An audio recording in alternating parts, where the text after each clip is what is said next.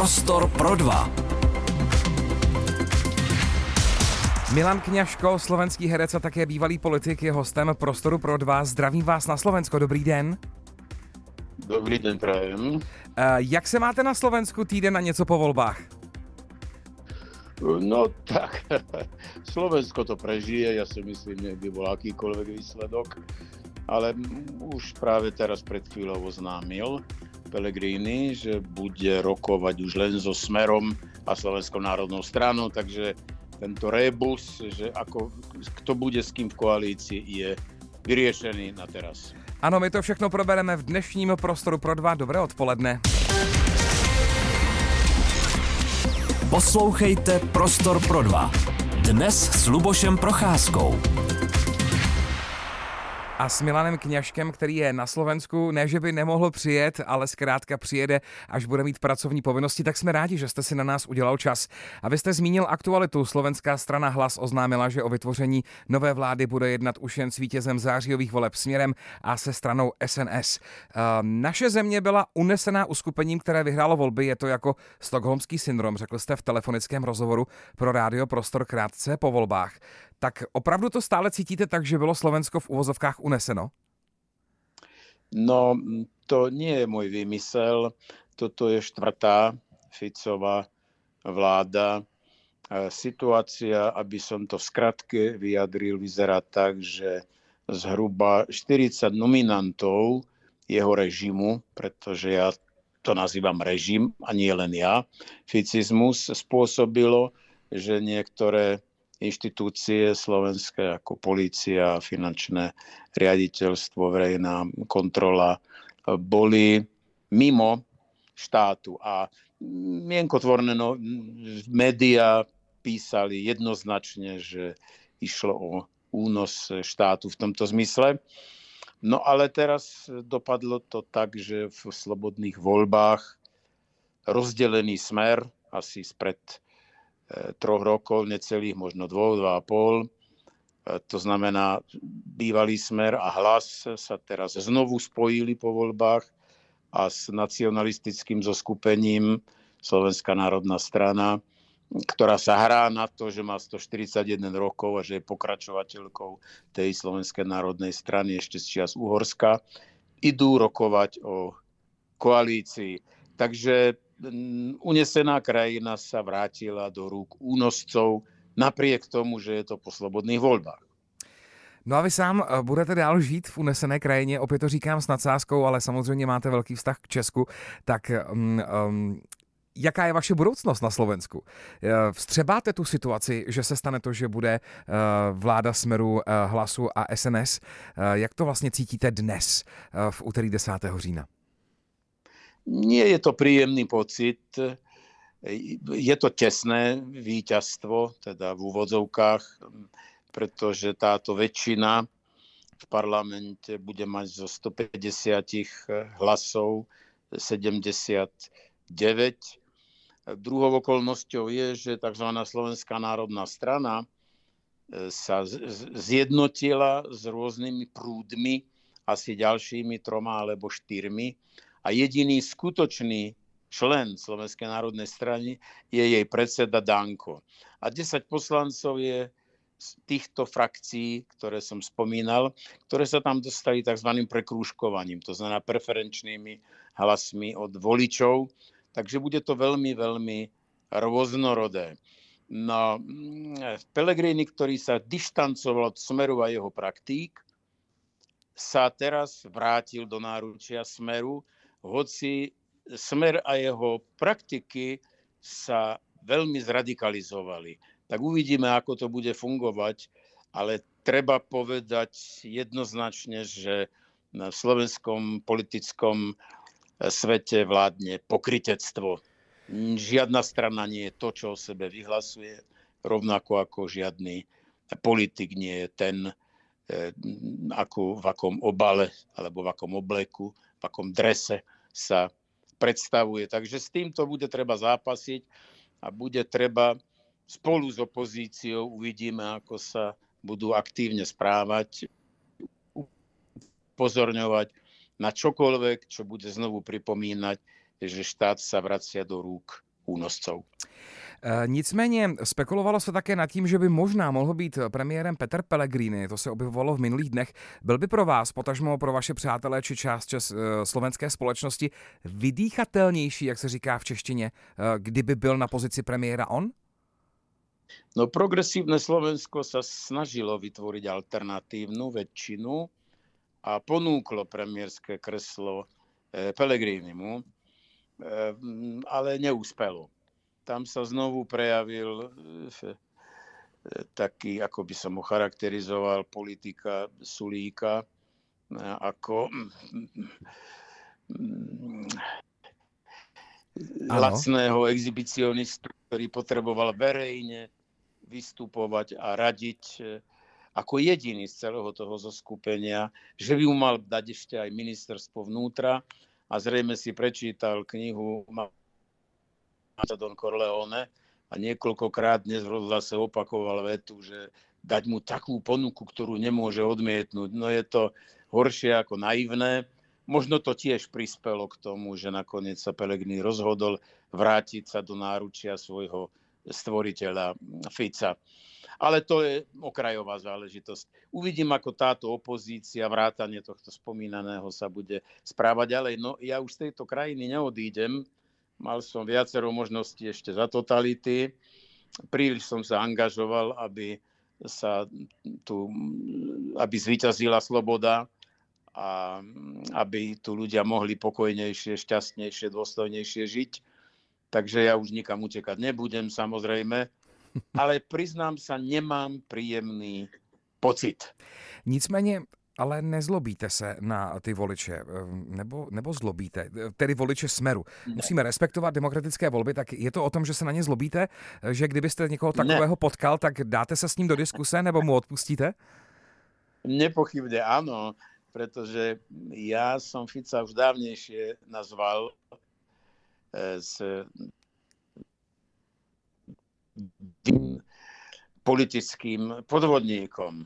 Čiže ja, to, by bolo, to by bolo neslušné a nemiestné, aby som mal negatívny e, vzťah k tým, ktorí boli podvedení týmto vynikajúcim podvodníkom. V žiadnom prípade s tými ľuďmi rozhodne sa budem stretávať, budem s nimi hovoriť a nehnevám sa na nich, že boli oklamaní, že boli podvedení, že naleteli istého druhu e, e, šéfa sekty, ktorý tu buduje svoju osobnú moc na nesplniteľných sluboch a na vytváranie ohrozenia a potom na schéme záchrancu týchto ohrozených, ktorým ohrozil e, neexistujúcou hrozbou a tak ďalej. Čiže ja tomuto rozumiem a na týchto ľudí sa v žiadnom prípade nehnevám.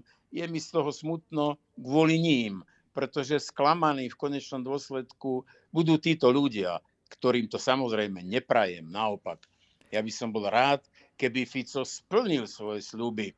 Lenže keď si vezmete jeho slúby, že v roku 2010 bude dokončená diálnica Bratislava Košice a stále nie je, napríklad. Alebo keď v roku 2014, že on už nebude v politike a bude pomaly 10 rokov od porušenia tohto sľubu. A takto by som mohol dlho pokračovať táto relácia, aby nestačila na to, čo všetko slúbil a nesplnil a obdivujem ale, že volič zabúda. To je veľké šťastie pre politikov. Říká v prostoru pro dva Milan Kňažko. Během chvíle v rozhovoru pokračujeme. Posloucháte Prostor pro dva. Dnes s Lubošem Procházkou. 90. letech jsem slyšel píseň, ve které se zpívalo, možná si vzpomenete, Milane Kňažko, bez těba Slovensku bylo by těžko. Některé osobnosti tvrdí, že by vás Slovensko potřebovalo i teď. Tak neměl jste před těmito volbami nějaké mm, nabídky do politiky? Nabídky, teda ponuky, samozrejme, bolo ich množstvo. Za celé to obdobie, odkedy som sa rozlúčil s aktívnou politikou, a to bolo v roku 2002, keď som dobrovoľne odišiel z kandidátky a mm, v zápätí na to som sa stal generálnym riaditeľom súkromnej televízie.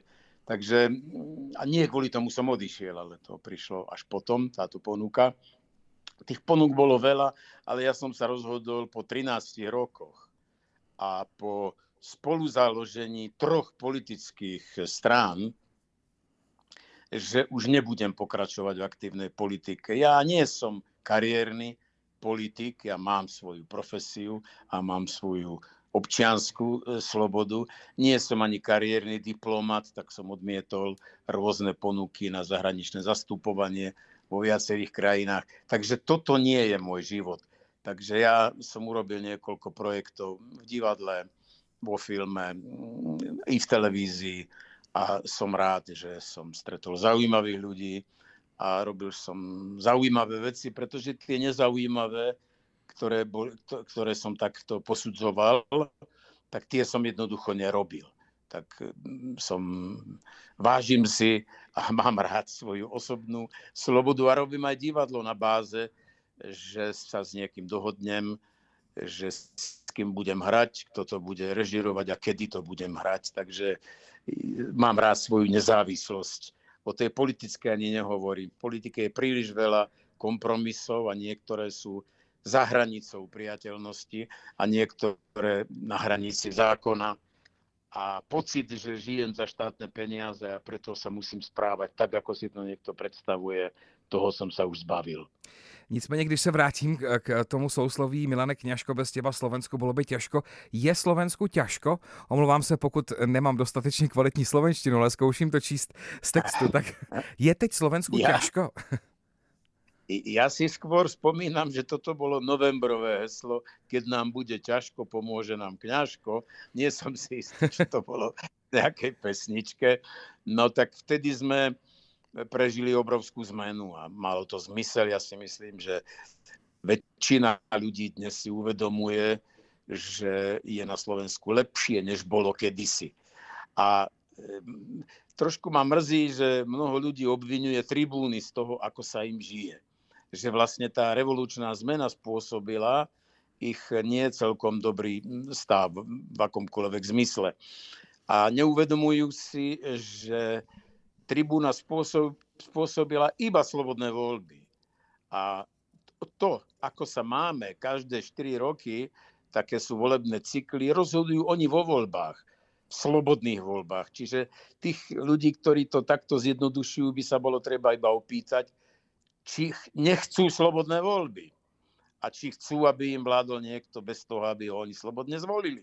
Čiže to je um, nič negatívneho, na tejto zásadnej zmene, ktorej neunikla žiadna postkomunistická krajina v civilizovanej Európe.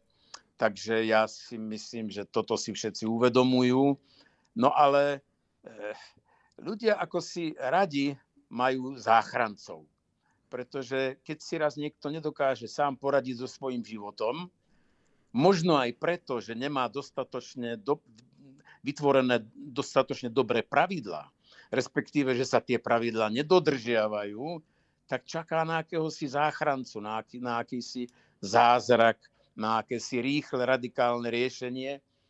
Milne sa domnievajúc, že ten niekto urobí pre nich niečo lepšie, ako by oni sami urobili pre seba, čo je základný životný omyl. No ale takto to funguje a s tým sa treba jednoducho zmieriť. Treba tých ľudí len presviečať o akejsi inej možnosti, o inej pravde. A ja, to ne, ja neodsudzujem ľudí, ktorí volili v žiadnom prípade, len odsudzujem politikov, že boli takí nešikovní, že to neboli tí dobrí, ktorí, boli víťaz, ktorí zvíťazili vo voľbách. No ale to je väčšiné, väčší kolobeh a ja som presvedčený, že to bude o niečo lepšie. No ideálne to nebude nebolo, nie je a nikdy nebude však, ale že to bude lepšie a že to bude demokratické. A že už sa budeme hrať iba o to, či je to viac vpravo, vľavo, či je to trošku menej liberálne alebo trošku viac konzervatívne a podobne, ale nebudeme mať obavy o právny štát a nebudeme mať obavy o to, že demokratické metódy budú nahradené autoritatívnymi e, e, rôznym spôsobom ktoré sú menej čitateľné, než boli tie predtým a odrazu možno zistíme, že sa nám žije o niečo menej slobodne, že už nemáme také nezávislé súdy, nezávislé médiá a tak ďalej a tak ďalej. Čiže, a že sa trošku odchylujeme od medzinárodného smerovania s demokratickou Európou. Uvidíme. Ja nechcem vytvárať nejaké čierne scenáre. Ja si myslím, že treba mať otvorené oči, ako som aj nazval svoju knihu s otvorenými očami a pri, pri najmenšom náznaku, že sa k nám niečo vracia, kde je pokritectvo, lož, intrigy, zastrašovanie, falošní záchrancovia, že treba zbystriť pozornosť a vyhlásiť poplach. Jak vy sám vnímáte to, že slovenská prezidentka Čaputová eh, nechce kandidovat nebo oznámila, že nebude kandidovat eh, v dalších prezidentských volbách? Přeci jenom, když se podíváme na to, kam Slovensko míří politicky, nebylo by dobré, kdyby, a teď čistě hypoteticky, tu situaci přehodnotila nebo ji chápete? No, tak to, to je... Myslím, že Taliani majú takú možno nepísanú predstavu, že keď prezident, tak musí mať 70 plus. Viete? A že to bude skúsený politik, pre ktorého to bude konečná a ktorý vie, prečo chce byť prezidentom, pozná tú situáciu politickú a cíti potrebu odozdať svoje skúsenosti a svoj čas, svoju energiu e, spoločnosti. My e, e, sme mali prezidenta Kisku, ktorý nevedel, prečo sa stal prezidentom, nevedel, prečo odišiel, založil politickú stranu, potom ale odišiel po voľbách, čo považujem za volebný podvod, keď niekto získa dôveru, to je ako keď si požičia peniaze, mal by ich vrátiť.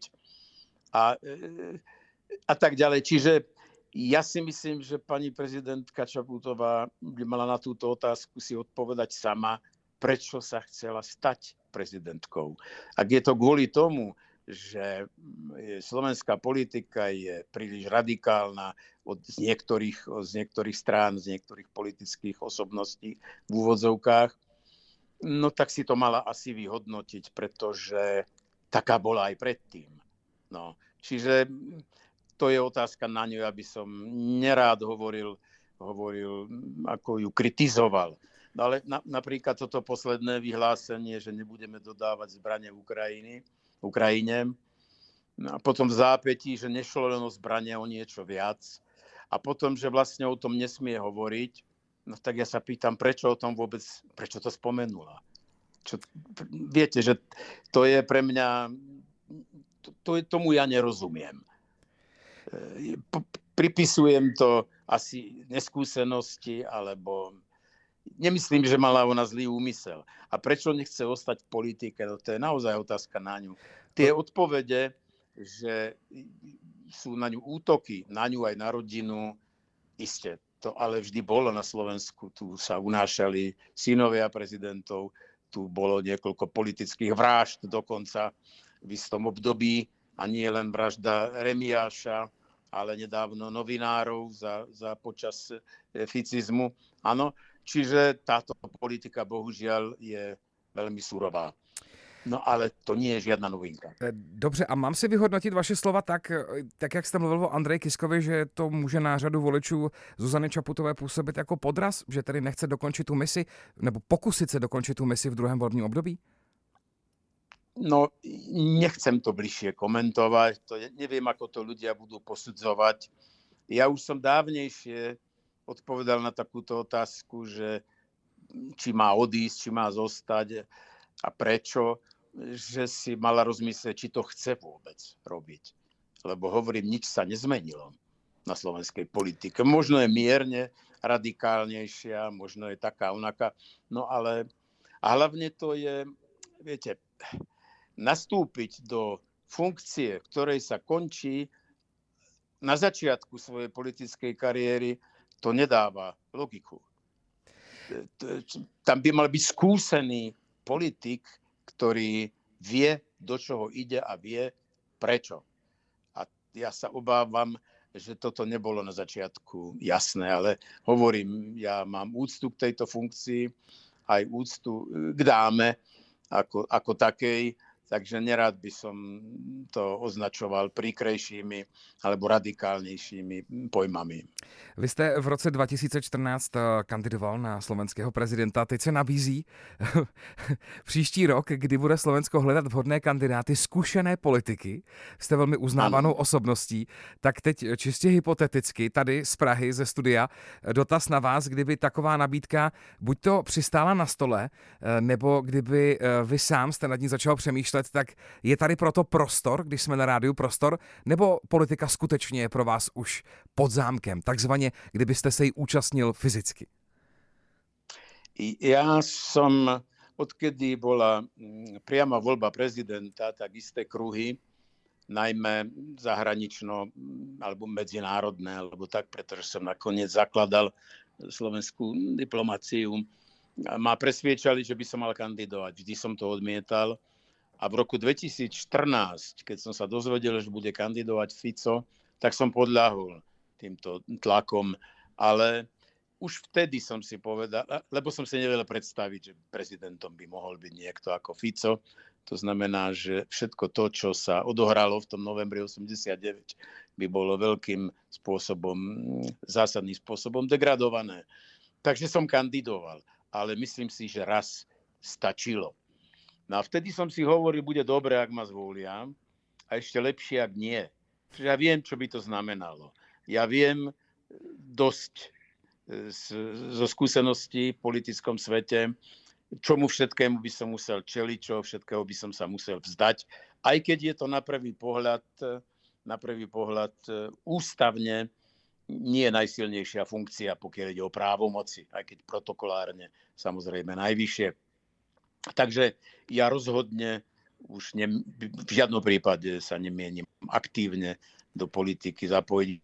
Vystúpil som e, aj z tej poslednej strany, ktorú som spolu zakladal ešte s Zurindom v roku 2000 SDKU a definitívne nie som v žiadnej politickej strane, nepodporujem a nepodporoval som žiadnu politickú stranu pred voľbami verejne. Ani to nikdy už neurobím, takže venujem sa už skutečne. Sem tam niečo napíšem. Áno, aby... Myslíte komentáře nejaké? Ale skôr... Áno, áno, mm-hmm. mám ich desiatky už v rôznych periodikách a skôr z takého odstupu a nadhľadu, pretože si hovorím, keď už, nech sa aspoň trošku zasmejeme, keď už si platíme tento cirkus, takže beriem to skôr takto. Sú ľudia, ktorí už aj trikrát kandidovali na prezidenta, ja im to neberiem, každý nech sa rozhodne sám, ale to rozhodne nie je môj prípad. Okrem toho, viete, táto funkcia podľa našej ústavy, a myslím, že podobne je to aj v Čechách, ja som si ich rozdelil do troch kategórií doterajších prezidentov. Užitočný, zbytočný a škodlivý. Zatiaľ jednoznačne užitočný bol prezident Kováč, ktorému uniesli syna a tak ďalej. To bol prvý prezident. No. Říká... Jednoznačne, škod... jednoznačne škodlivý bol Kiska, a tých ostatných nebudem hodnotiť. Říká v prostoru pro dva Milan Kňažko. Za malou chvíli pokračujeme v rozhovoru. Posloucháte Prostor pro dva. Dnes s Lubošem Procházkou. Milan Kněžko je hostem Prostoru pro dva. Já bych přešel do České republiky. E, nás čekají parlamentní volby za dva roky. Vy asi pravděpodobně tím, že sem jezdíte za prací a máte tu spoustu přátel, tak sledujete i politickou situaci v Česku. A řada e, posluchačů, když jsme avizovali, že budete naším hostem, e, tak vznáší úplně stejný dotaz. Zda Česku také nehrozí únos ze strany politických stran či politické strany při nejbližších parlamentních volbách. Jak vy to vnímáte? No, myslím si, že sa to odohráva trochu na inom poschodí.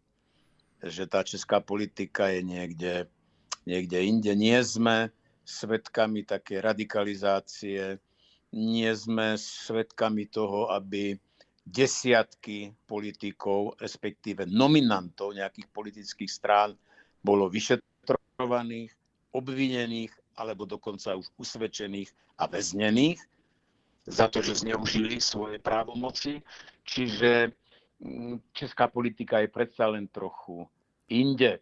Samozrejme, že to sledujem, mnohých politikov poznám aj z minulosti, poznám niektorých aj tých súčasných pretože je skrátka poznám aj osobne a dosť dobre, ale určite by som sa konkrétne k žiadnemu z nich e, nevyjadroval, pretože sa tu jednoducho, jednoducho nepatrí, aby som takýmto spôsobom komentoval politikov v krajine, ktorú mám rád a kde rád chodievam, kde rád pracujem, kde mám strašne veľa priateľov a rodinných príslušníkov dokonca, teda synov. Minulý týden to bylo 87 let od eh, narození Václava Havla. Vzpomínal jste na něj, vy jste spolupracovali eh, po roce 1990, eh, tak máte na něj jen ty dobré vzpomínky, nebo možná i vyhrocené, on se přeci jenom uměl rozčílit, občas to v televizních dokumentech vidíme, tak um, připomněl jste si ho? Určite áno. Mal som ho veľmi rád a keď ma presviečal, aby som išiel do Prahy v tom 90. roku ako jeho poradca, tak som to mm, urobil s potešením. No, e, vzniklo tam veľa fám, ako som sa s ním ja rozišiel, aké boli konflikty. To je naprostý nezmysel. Václav sa ma opýtal v tom júni roku 90, lebo som sa zúčastnil na Slovensku volieb že či chcem byť naďalej štátnym úradníkom, alebo idem do politike, na to som povedal, že sme vyhrali voľby. A tu sme pri tom, čo už som dnes spomenul, a že musím teda mm, zastávať nejakú ústavnú funkciu, aby som aspoň čiastočne mohol plniť to, čo som v tých voľbách sluboval. Čiže mm, to je to, čo som mohol v prípade, v prípade Kisku, keď idem do volieb a získam nejaké percentá. Nemohol som tým ľuďom povedať, no, napíšte mi do Prahy, tam budem poradcom naďalej u Václava Havla, alebo príďte za mnou na vrátnicu do divadla. No tak som musel zobrať ministra v slovenskej vláde. Čiže, čiže asi tak, takto som ja vlastne vstúpil do, do, do politiky. No a na Václava si veľmi rád spomínam, mali sme veľmi dobré vzťahy aj na sklonku jeho života, aj počas toho. Mnohokrát sme sa stretli, pozval som ho na predstavenia, keď napríklad sme vyhrali voľby v tom roku 98, 99. som ho pozval na kumšt, kde som rád s Lasicom Labudom a pýtal som sa ho, prosím ťa, bol som tvoj poradca, aj keď som ti možno zle radil, ale teraz poraď ty mne. Mám funkciu ministra kultúry. Môžem hrať divadlo? On sa len usmial a povedal bez váhania, podívej Milane, já taky píšu a ty hraj. Kdyby byl minister financí, tak bych možná uvažoval. No, alebo, čiže eh, mal som s ním veľmi dobrý vzťah. Bol ešte aj na premiére filmu Normal, kde som hral s Dášou eh, s Dášou, eh, Beškr, teda Havlovou samozrejme. Tehdy veš, ještě Veškrnová, pak Havlová, ano. řekněte mi, Milane, 30 eh, let od rozdělení Československa. Samozřejmě těch dotazů padlo letos už mnoho na adresu všech osobností, které tehdy u toho byly. Nemůžu se nezeptat ani vás. Eh, je to dobře, že jsme se rozdělili před těmi 30 lety? No, eh, ja si myslím, že to bolo v konečnom dôsledku čas. Tak to začnem tým, že čas je asi najobjektívnejší rozhodca. Potvrdil že to bolo dobré rozhodnutie, pretože tie napätia a nedorozumenia stúpali a mohli prerásť do ostrejších konfliktov. Pozrime sa na e, Katalánsko, pozrime si samotné Belgicko, tie napätia medzi Valónmi a Flámami, pozrime si Škótsko a mohol by som takto menovať ešte Quebec a ďalšie krajiny. Skrátka, máme lepšie vzťahy ako kedykoľvek v minulosti odstránili sa všetky prekážky, ktoré tieto nedorozumenia a napätia provokovali a mm, živili. Čiže ja si myslím, že sme v spoločnej Európe, hranice prakticky nemáme, až na tých migrantov teraz, ale to, to je trošku iná, iný problém. Čiže ja si myslím, že nemôžno sa stiažovať. Hypotetická otázka, ako by to bolo, keby alebo tie mýty o tom, že malo byť referendum, no nech niekto formuluje otázku. Píše o tom dokonca Rychlík aj Kosatík. Aká mala byť tá otázka? V akom štáte chceme žiť? V unitárnej federácii, autentickej federácii a tak ďalej. A kto by na tú otázku v akej krajine odpovedal? Ale o tom by sa dlho dalo hovoriť, alebo že proti vôli väčšiny. No ja sa pýtam, kde bola tá väčšina? Boli na celozávodnej dovolenke, keď o dva roky na to zvolili Klausa v Čechách a Mečiara na Slovensku, teda aby som personifikoval osoby, ktoré rozdeli, ktoré stali na čele delegácií, ktoré sa v konečnom dôsledku už bavili nielen o spolužití v jednom štáte, ale aj o rozdelení Československa, keďže sa nedohodli na tom spoločnom. Takže, no ale to je ťažko zhrnúť to niekoľkými vetami, ale som sa trošku rozbehol, zabrzdím, pretože to by si žiadalo celistvejšiu a komplexnější diskusiu. To stoprocentně. Každopádně, eh, sice jsme se rozdělili, ale v řadě věcí nikoliv, a to je v kultuře. Vy stále hrajete v Česku i na Slovensku, eh, tak ehm, točíte něco aktuálně, eh, ať už jde o seriál nebo film? Tak teraz dokončujeme taký seriál kde hrajú české a slovenskí herci, ale je to prednostne pre Jojku. Malo by to mať 8 dielov, režiruje to Honza Hřebejk. Z českých hercov spomeniem Vlka Polívku, Janu Švandovú, ale sú tam aj ďalší samozrejme. A volá sa to Večne mladý. No, mali sme obnoviť s Jiřinkou Bohdalovou Gin Game u Honzu Rušinského. Bohužiaľ Jiřinka už sa rozlúčila s divadelným herectvom. Ja som hrdý na to, že som mohol byť aj posledný divadelný partner, ako ona hovorí, môj divadel, divadelní milenec. Takže je mi to ale strašne ľúto. A zavolala vám to sama, nebo jste si to jenom přečetl v prohlášení no, pana Hrušinského? Dozvedel som sa to od vedenia divadla a ja som jej zavolal v zápetí, keď sa tak rozhodla. Takže sme o tom sa bavili a ostali sme naďalej priatelia. Kedykoľvek budem v Prahe, tak ju veľmi rád prídem pozdraviť samozrejme. Takže asi tak. No a vyzerá to, že možno niečo v Prahe si znovu naskúšam, pretože takto tá československá kultúrna vzájomnosť tu je. Ale tu si musí každý nosiť v sebe. To nie je nejaká štátna doktrína. Kultúra to je to je vlastne fenomén identity, je kultúra.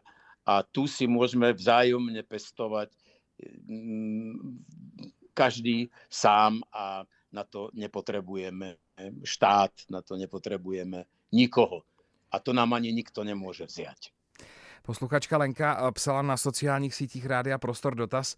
Zdali byste ještě někdy vzal roli v nekonečném seriálu? Předpokládám, že mluví asi o ulici. A, no, do ulice som sa dostal takým spôsobom, že natočil som taký film s Jirkom Svobodom, eh, s takú detektívku, na ktorú sa bol pozrieť Dušan Klein, to bolo myslím v roku 2000, 2006 No a keďže som s ním nakrútil Dobrý holuby se vracejí, tak sa na mňa pozrel tými očičkami dobromyselnými a hovorí mi, Milánku, poď si k nám zahrát.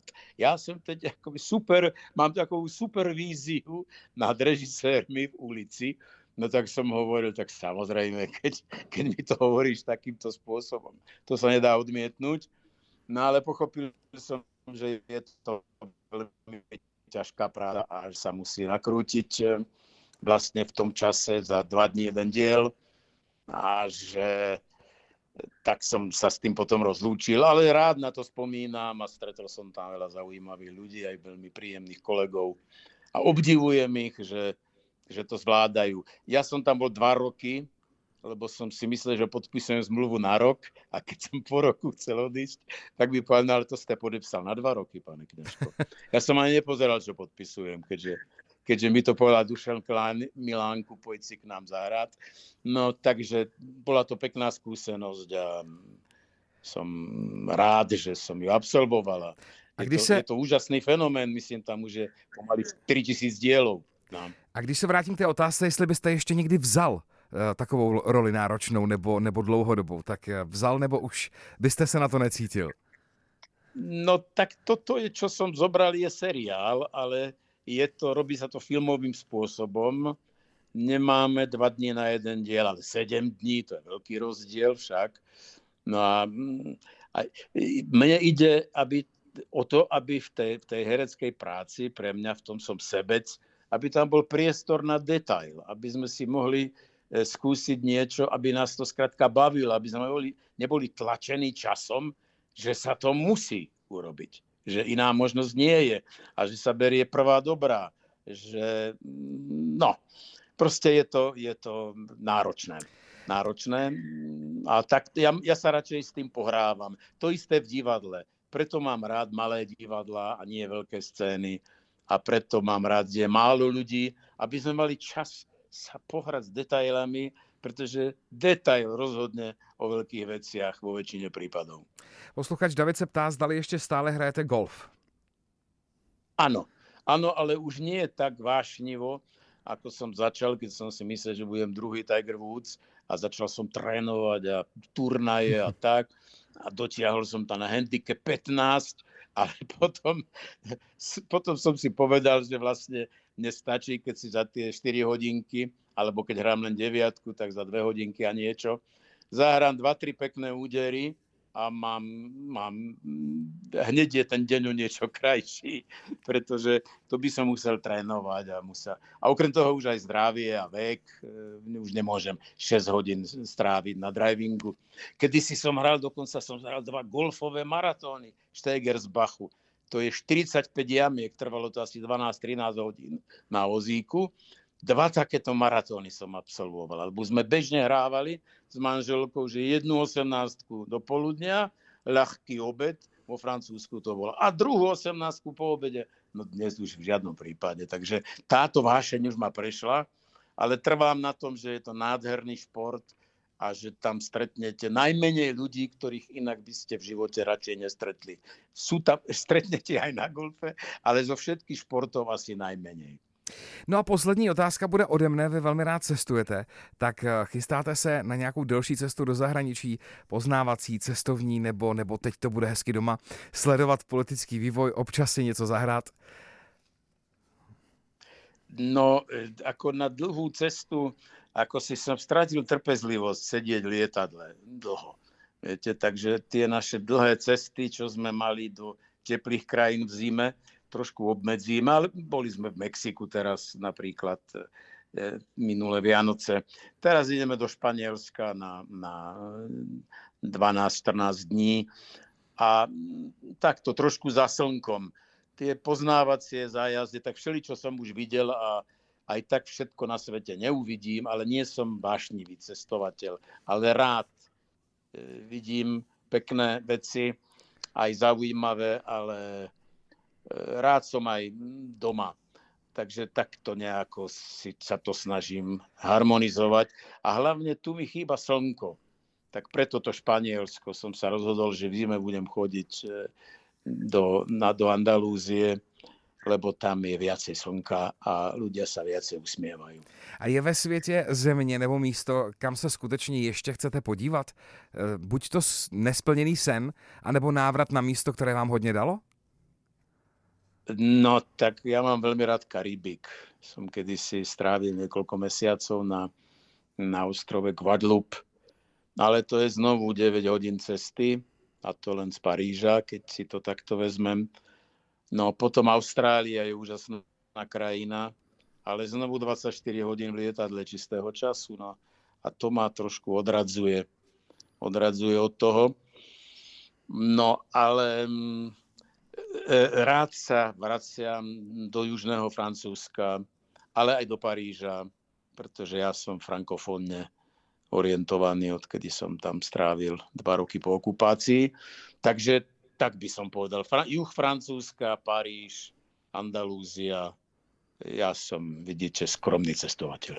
Tak to jsou hezké plány. Já moc děkuji, že jste byl dnes hostem živě vysílaného Prostoru pro dva na rádiu Prostor, že jsme probrali slovenskou, českou politiku, ale také kulturu. Budu se těšit, že vás brzy snad uvidíme v nějakém divadelním představení tady u nás, nebo že pozveme posluchače na Slovensko. Držím palce, přeji pevné zdraví a budu no. se těšit někdy příště na rádiu Prostor opět naslyšenou. Ak dovolíte, ešte poviem, 31. januára hráme Halperna Johnson na Jezerce tak príďte sa pozrieť a ďakujem za pozvání. No vidíte, tak to je dobrá pozvánka, rád vás uvidím i v Praze, tady třeba ve studiu Rádia Prostor. Zdravím na Slovensko, ať to tam v úvozovkách dobře dopadne, uvidíme, jak se to po demokratických volbách vytříbí a že to třeba zase někde spolu probereme. Milan Kňažko byl naším hostem. Mějte se krásně a naslyšenou. Pekný deň a ďakujem tiež za pozvanie. Prostor pro dva a Luboš Procházka. Každé úterý ve čtyři odpoledne.